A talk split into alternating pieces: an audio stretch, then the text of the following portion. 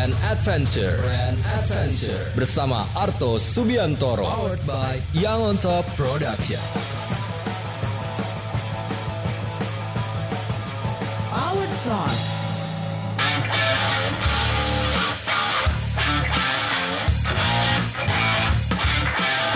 Selamat malam Power People, jumpa lagi bersama dengan saya Arto Subiantoro di program Power Talk Brand Adventure Sebuah program yang membahas tentang kehebatan brand-brand lokal di seluruh Indonesia Tamu kita kali ini adalah dua anak, boleh dibilang anak muda ya? Boleh ya? Dua anak muda spesial, yang pertama adalah Ruli Mangunsong Beliau adalah wakil PLT, wakil sekum dari Prisindo Nanti kita akan bahas apa itu Prisindo Dan yang kedua adalah Chandra Kristanto atau yang biasa dipanggil Mr. Konde Selamat datang, kita akan membahas satu organisasi keren yang bukan cuma sekedar cari uang tapi juga kemudian membangun dampak dan masa depan bagi banyak musisi di Indonesia. Ya, kita bicara soal Prisindo dan kita akan segera kembali setelah yang satu ini.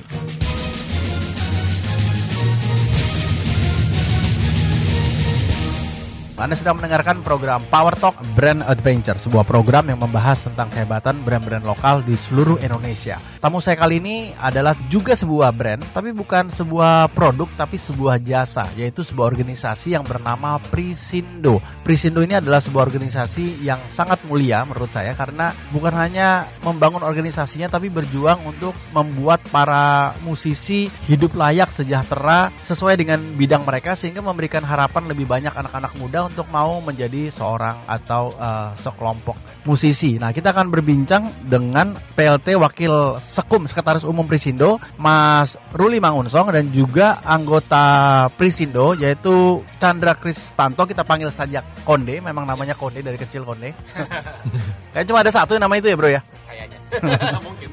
Dan yang menarik adalah bagaimana hari ini Prisindo bisa memiliki lebih dari 300 anggota yang semuanya musisi-musisi hebat yang kita semua tahu dan kemudian yang ingin kita bisa belajar nanti setengah jam sebelum acara selesai adalah bagaimana kita bisa menarik hati para influencer untuk mau bergabung dalam organisasi atau gerakan atau inisiatif yang kita mulai. So langsung saja Mas Ruli, apa kabar? Kabar baik. Nah, long time no see.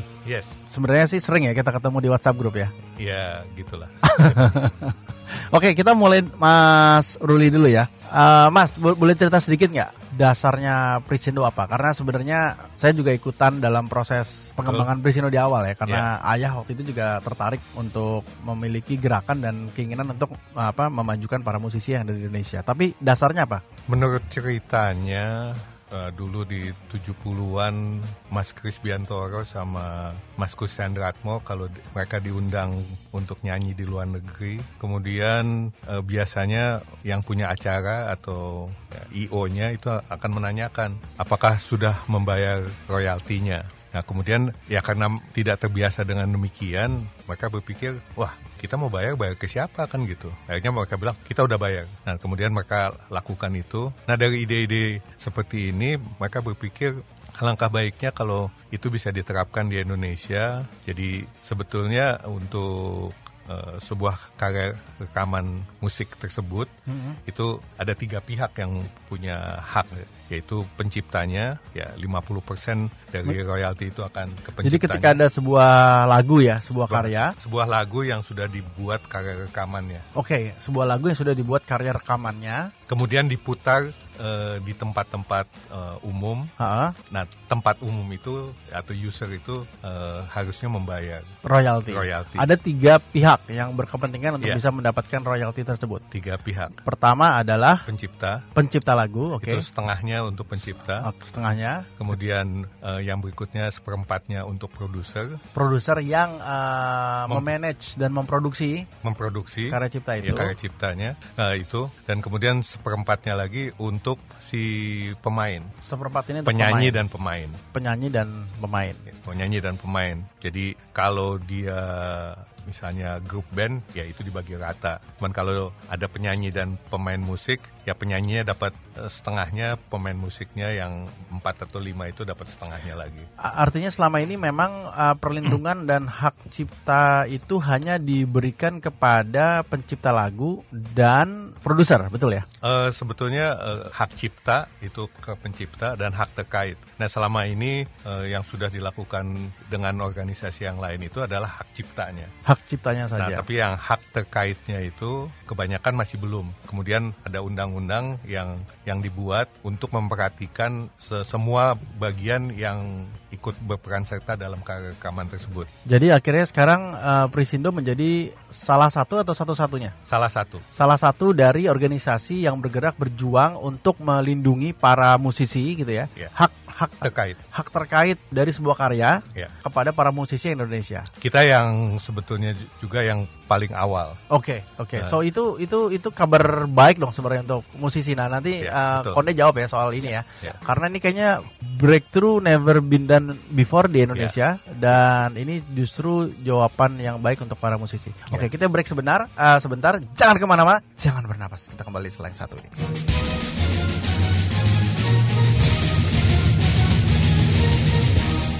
Anda sedang mendengarkan program Power Talk Brand Adventure, sebuah program yang membahas tentang kehebatan brand-brand lokal di seluruh Indonesia. Tamu kita kali ini adalah sebuah organisasi yang bernama Prisindo yang tujuannya sangat mulia sekali yaitu melindungi dan menjaga hak royalti dari para musisi. Hadir bersama dengan kita adalah Mas Ruli Mangunsong yaitu PLT Wakil Sekum dari Prisindo dan Chandra Kristanto yang biasa dikenal dengan nama Konde. Konde aja deh mulai sekarang pokoknya. Dan salah satu anggota dari Prisindo. Tadi kita barusan ngobrol ya soal apa itu Prisindo dan kemudian bagaimana dimulainya. Tapi saya mau ke Konde dulu. Dia bisa cerita kemudian kenapa organisasi seperti Prisindo ini menjadi penting sebenarnya kalau bicara masa depan ya. Ya, kalau kita bicara masa depan itu sangat penting sekali ya. Karena dulu jujur aja gue per tahun dari awal gue mulai karir di Sansons, gue tuh nggak pernah tahu apa itu eh, lembaga manajemen kolektif yang seperti Prisindo ini juga yang mengkolek karya-karya yang ditampilkan ke umum yang karya-karya kita mainkan. Gue pikir ya manggung itu, apa dapat uang dari bermusik itu cuma dari manggung, dari Offline gitu ya. off lah, iya on atau dari royalti album.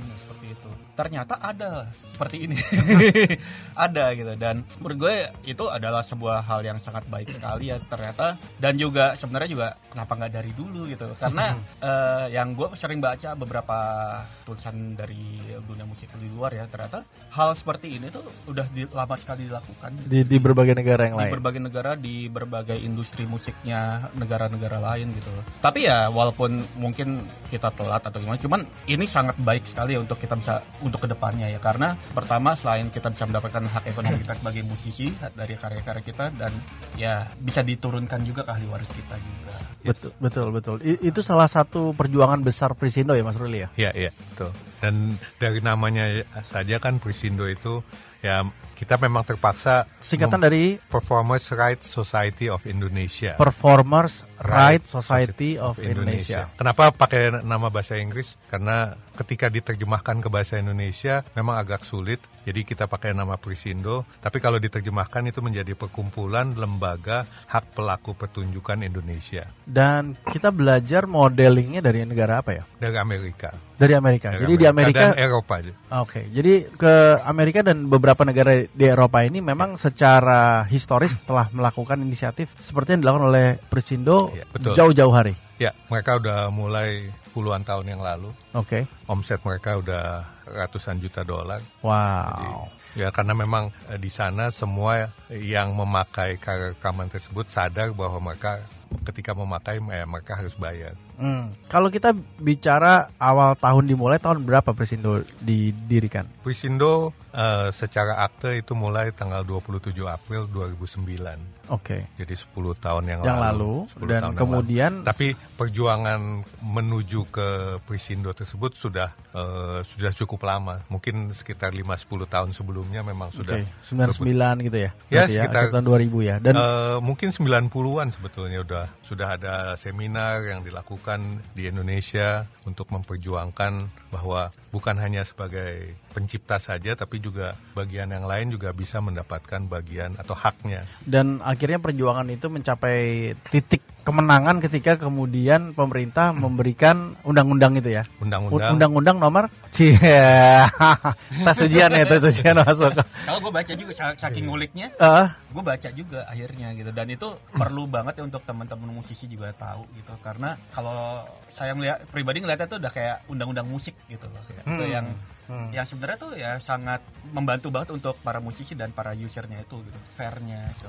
fairnessnya itu tadi ya. Dan dan ini sebenarnya bukan cuma soal fair tapi sebenarnya memberikan harapan bagi banyak anak muda untuk melihat bahwa menjadi seorang musisi itu ke depan itu dijamin gitu ya masa depannya. Ya. Meskipun ya artinya harus membuat karya yang terbaik sehingga karya yang terbaik itu kemudian dilindungi sehingga kapan pun mereka nanti pada saat mereka sudah sudah senior karya itu masih bisa diputar di mana-mana dan mereka tetap dapat royalti. ya Ya. Betul Dan memang kenyataannya ya karya-karya misalnya kayak Panbers, Pancepondah tersebut ya memang masih diputar, brewery masih diputar dan mereka masih mendapatkan. Dan jumlahnya ya cukup lumayan, Tidak sedikit. tidak sedikit. Baik, kita akan break sejenak. Kita akan bahas tentang apa yang dialami oleh Presindo di fase-fase awal juga dan kemudian sudah berapa banyak anggotanya dan uh, Yes. seberapa besar uh, royalti di, diberikan uh, sampai hari ini. Ya. Oke, jangan ke mana-mana, jangan bernafas. Kita kembali setelah yang satu ini.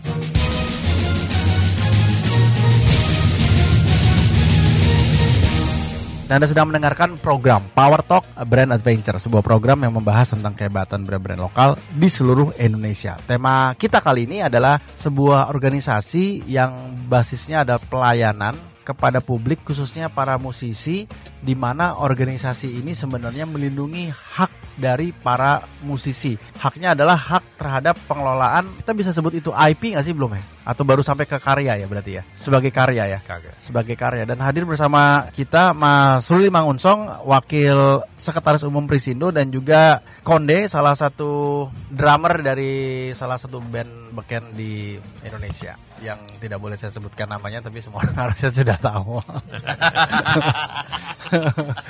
Oke, Bro Ruli, ceritain dong sekarang kita sudah punya berapa anggota uh, Prisindo dan kemudian apakah sebenarnya organisasi ini benar-benar melindungi anggotanya? Bentuk konkretnya apa sih sebenarnya kalau melindungi anggotanya? Jadi anggota kita saat ini sekitar 340-an, 340-350. Ini musisi semua berarti? Musisi, penyanyi, pemain. Jadi karena memang ini adalah pelaku pe- pertunjukan, jadi musisi, eh, grup band, individu eh, dari A sampai Z, dari genre musik yang macam-macam. Jadi Bo- nggak- boleh sebutkan mungkin beberapa yang mungkin pendengar bisa kebayang gitu? Eh, anggota kita ya tadi eh, Konde dan semua Teman-temannya? teman-temannya. teman Samsung Ah, ah. Teman-teman Samsonnya nggak boleh sebut nama Samson ya?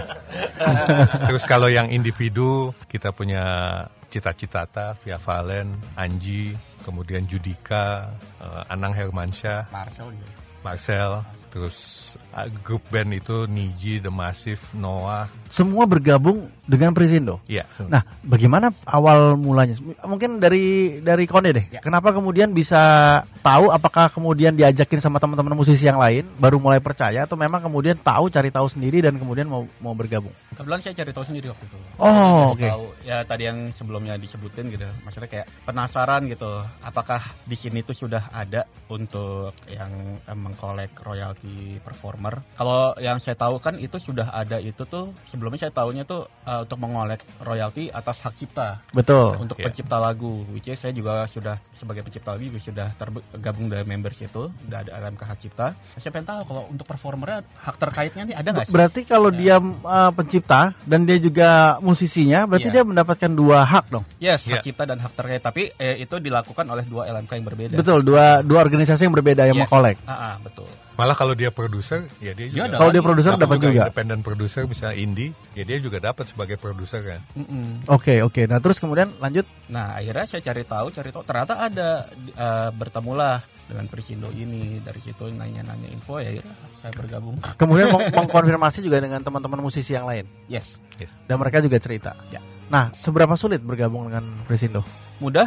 Gimana Om?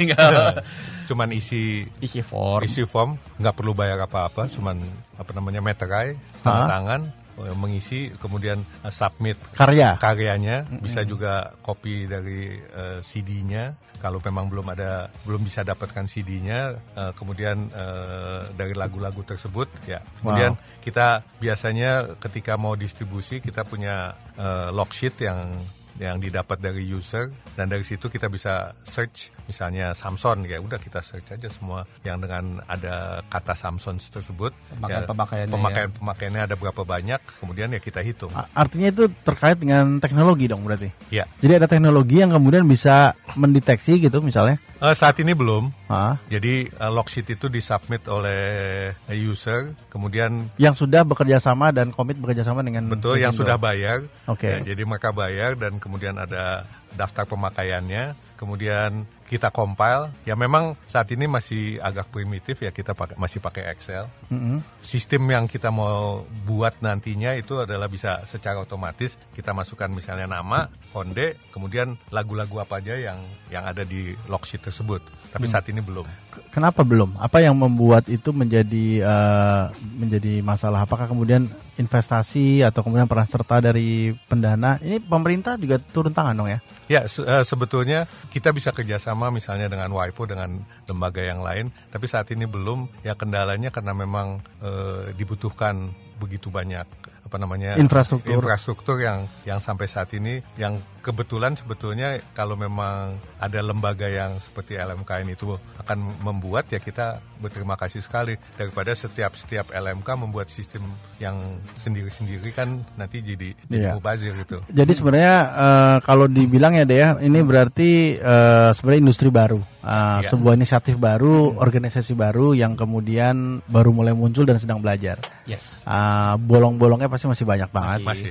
Tapi memang kemudian kalau nggak sekarang, kapan lagi kita bisa mempunyai sebuah organisasi yang mau melindungi musisi gitu Yes, ya? betul. Dan artinya sebenarnya masuk ke Prisindo juga karena terkait potensi Samson sebagai Performer. salah satu performer papan atas yang sebenarnya juga bisa punya hak lebih besar. Ya, Ya. betul. Ah. Dan itu juga mungkin sebagai ini ya, sebagai trigger juga untuk kita sebagai musisi itu untuk menciptakan karya-karya terbaik gitu. Yes. Maksudnya jadi kalau dulu anggapannya ah, main musik itu cuma kita bikin karya itu cuma dapat royal apa royalti dari ah, dapat uangnya dari manggung, dari royalti album. Ya, Ini ada lagi loh nih kantong baru gitu. ya, ya, Jadi ya, ya, ya. Yang mungkin juga bisa mendapatkannya karena banyak dipakai juga ya Om ya. Iya, Karena betul. itu. Ya, ya. Jadi berapa royalti Samsung?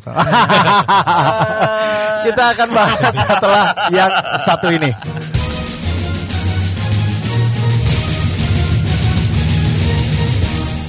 Anda sedang mendengarkan program Power Talk Brand Adventure. Hari ini kita membahas sebuah organisasi yang sangat keren banget, bukan cuma keren sih, sebenarnya mulia banget karena inisiatifnya adalah membantu berjuang untuk para musisi agar karya-karya mereka bisa dinikmati dan kemudian menjadi hak royalti. Turut bergabung bersama dengan kami anggota baru dari Prisindo Konde yang juga kemudian memiliki inisiatif yang sama, bukan hanya kemudian ingin menjadi anggota, tapi juga sekarang mau masuk ke dalam kepengurusan organisasi nih dengar-dengar nih.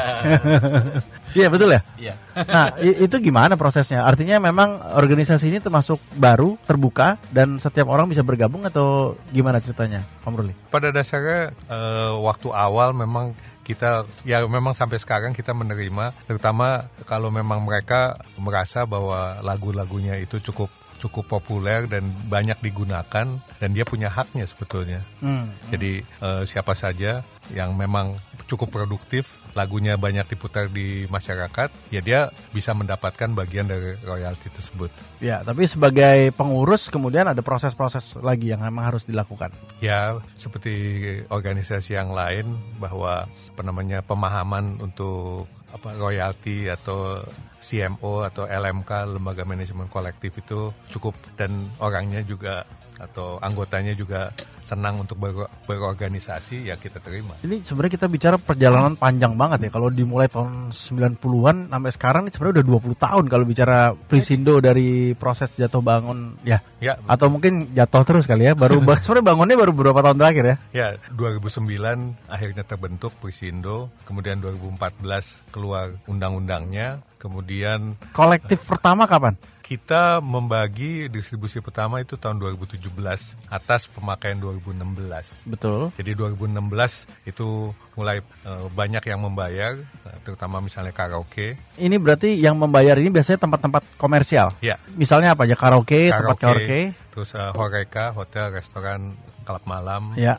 kemudian juga mall. Pokoknya pada dasarnya semua yang menggunakan karya rekaman tersebut termasuk radio, TV, itu mereka menggunakan karya rekaman tersebut ya mereka harus bayar royaltinya. Artinya si tempat-tempat ini selain mereka memang membayar royalti baru ini, tapi kan sebelumnya juga ada royalti-royalti terhadap karya-karya cipta lagu dan segala macam itu Iya, iya. tetap bayar terpisah. Kita sekarang se- eh, sedang mengusahakan bahwa user itu hanya terima eh, satu kali invoice dan eh, invoice itu terdiri dari atas dua Satu kali bagian. penagihan ya, Satu, satu kali penagihan, eh, invoice-nya ada dua, hak cipta dan hak terkait. dan otomatis Jadi langsung lebih mudah gitu. lebih Jadi- satu pintu langsung didistribusikan ke LMK LMK terkait. Ya, daripada nanti user, kok saya bayar dua kali, kok saya bayar tiga kali, kok empat kali.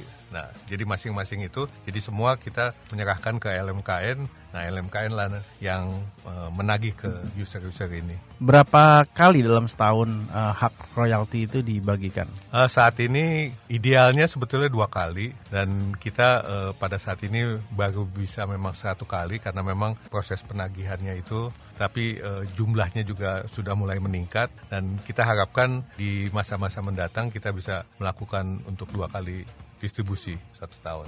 Berapa besar nilainya sampai hari ini? Oh, untuk yang yang pertama di 2017 itu kita membagikan eh, satu plus satu miliar plus ke anggota Prisindo di 2018 itu menurun sedikit dan di 2019 ini Prisindo mendapat alokasi sekitar tiga lebih Tiga sekian Tiga miliar, miliar, ya. yang dibagikan kepada musisi. 350 eh, anggota 350 anggota dibagi, tapi tidak secara rata ya, Bukan, sesuai bukan. dengan sesuai dengan pemakaiannya. Dengan Jadi pemakaian-pemakaian. yang banyak pemakaiannya ya dia terima lebih dong daripada yang tidak ada pemakaiannya sama sekali. Oke, Jadi oke. misalnya artis-artis yang memang lagunya banyak diputar ya, banyak digunakan ya mereka akan mendapatkan lebih. Ini keren banget dong deh ya sebenarnya. Keren banget.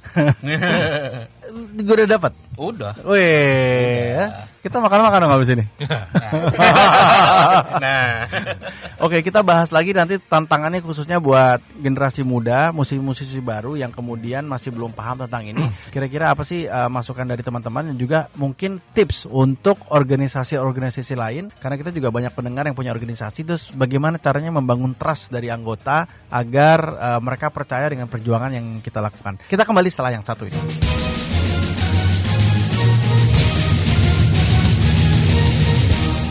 Selamat malam Power People, kita berada di talkset terakhir di program Power Talk Brand Adventure Sebuah program yang membahas tentang eh, brand-brand hebat di seluruh Indonesia. Tamu kita kali ini adalah Ruli Mangunsong dan Chandra Kristanto yang biasa dipanggil Konde. Mereka berdua adalah perwakilan dari Prisindo Sebuah organisasi yang melindungi hak para musisi di Indonesia Nah, uh, kita masuk ke dalam pembahasan terakhir uh, terkait dengan Prisindo. Tapi sebenarnya untuk juga mengetahui lebih dalam dari Prisindo, sebenarnya sekarang ketuanya siapa? Ketuanya Kusendratmo, Oh, oke, Om Kus Hendratmo. Om Kusendratmo sebagai ketuanya. Ketua, terus siapa lagi anggo- anggota Kemudian dan wakil, ada Mas wakil ketua ada Mas Agus Rantung, Oke.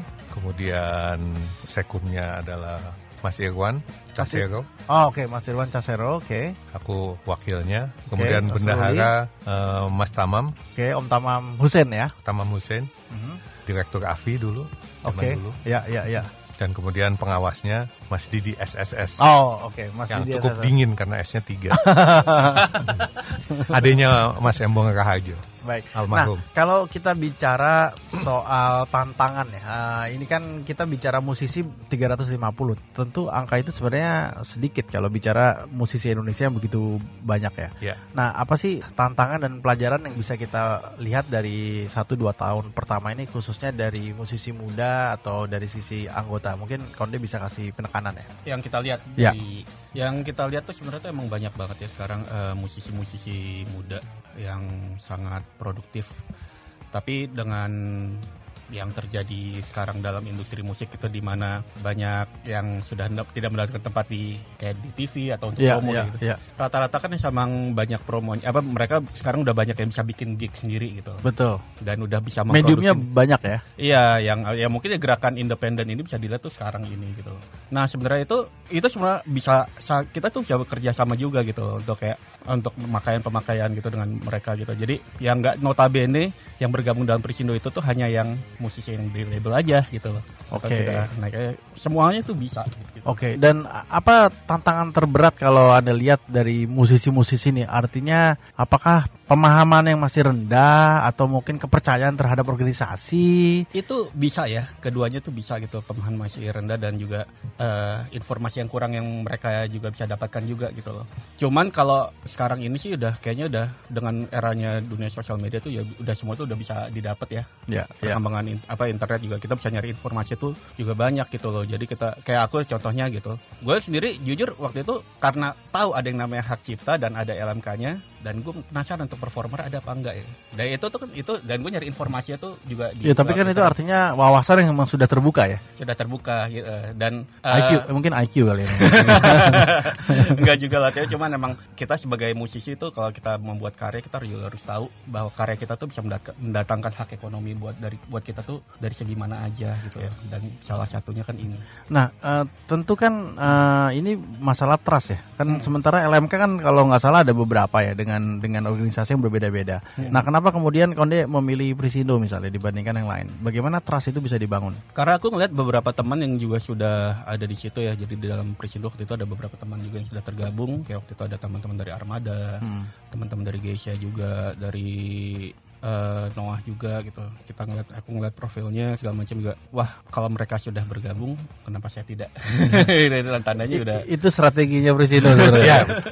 Betul ya? Betul. Bisa cerita. Jadi mulai dulu dari musisi-musisi yang sudah ada gerilya satu-satu gitu, sesederhana itu. Kebetulan eh, kalau Prisindo itu kita beraliansi dengan eh, Asirindo dan Asprindo. Oke. Nah, Asirindo kan dari Asiri, mereka punya artis-artisnya. Jadi untuk eh, untuk Ini produser ya. untuk produser, kemudian artisnya kita kita coba supaya diarahkan ke Prisindo. Oke. Karena ya kita kayak sister apa sister organization. Association. Jadi kita bangun dari dari sana. Memang mulainya agak sulit, agak agak repot karena untuk mendapatkan ya tadi yang bilang trust itu ini siapa gitu kan tapi eh, kita tetap coba terus yang akhirnya eh, sekarang ini kayak kita bukannya menahan-nahan tapi ya supaya nggak terlalu banyak gitu Justru malah ditahan-tahan membernya. ditahan dalam artian kita ingin uh, quality bukan quantity Ya, jadi administrasi, uh, Administrasi. operation dirapikan dulu. Ya, nanti betul. sambil berjalan kita sudah bisa. Syukur-syukur udah nggak manual lagi ya, Mas Bro ya. ya, ya betul karena Ini baru ngurusin 350, gimana kalau 2500 gitu ya? iya Dan lagi-lagi itu soal trust. Ya. Ini nggak nggak terasa, sayang banget. Waktunya sudah satu jam. Bayangin kita ngomongin baru ngalor ngidul, padahal banyak sekali mau digali tentang bagaimana membangun brand itu sendiri. Trust, tapi tentu saja kalau ada pertanyaan bisa langsung ke Prisindo ada Instagramnya. ada A- uh, Prisindo Oh, at Prisindo At atau bisa ngobrol-ngobrol lebih dalam ke eh, Mas Ruli ya. ya At Ruli. at Mylur M Y L L U R L L U R. Ya, Atau kalau mau tanya-tanya ada musisi atau tiba-tiba musisi daerah yang lagi- ada dengerin nanya ke Konde langsung bisa. Caranya bisa eh, lewat Instagram aja kon, Ah. konde 2505 At Konde 2505. 2505. Oke, so thank you banget teman-teman semua uh, sudah Sama-sama. hadir berbagi. Uh, ini benar-benar sebuah inisiatif yang mulia banget, bukan cuma buat diri kita sebenarnya kita berjuang buat musisi-musisi lain dan Betul. generasi yang akan datang. Baik, sampai di sini program kita pada hari ini kita belajar banyak dari Prisindo dan akhirnya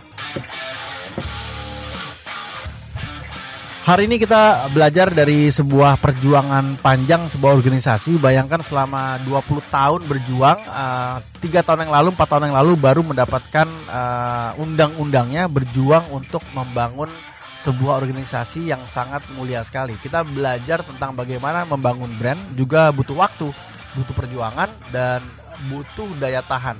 Tentu proses ini hanya bisa terjadi kalau kita punya founder-founder yang kuat yang percaya bahwa tujuan ini akan sampai di sana.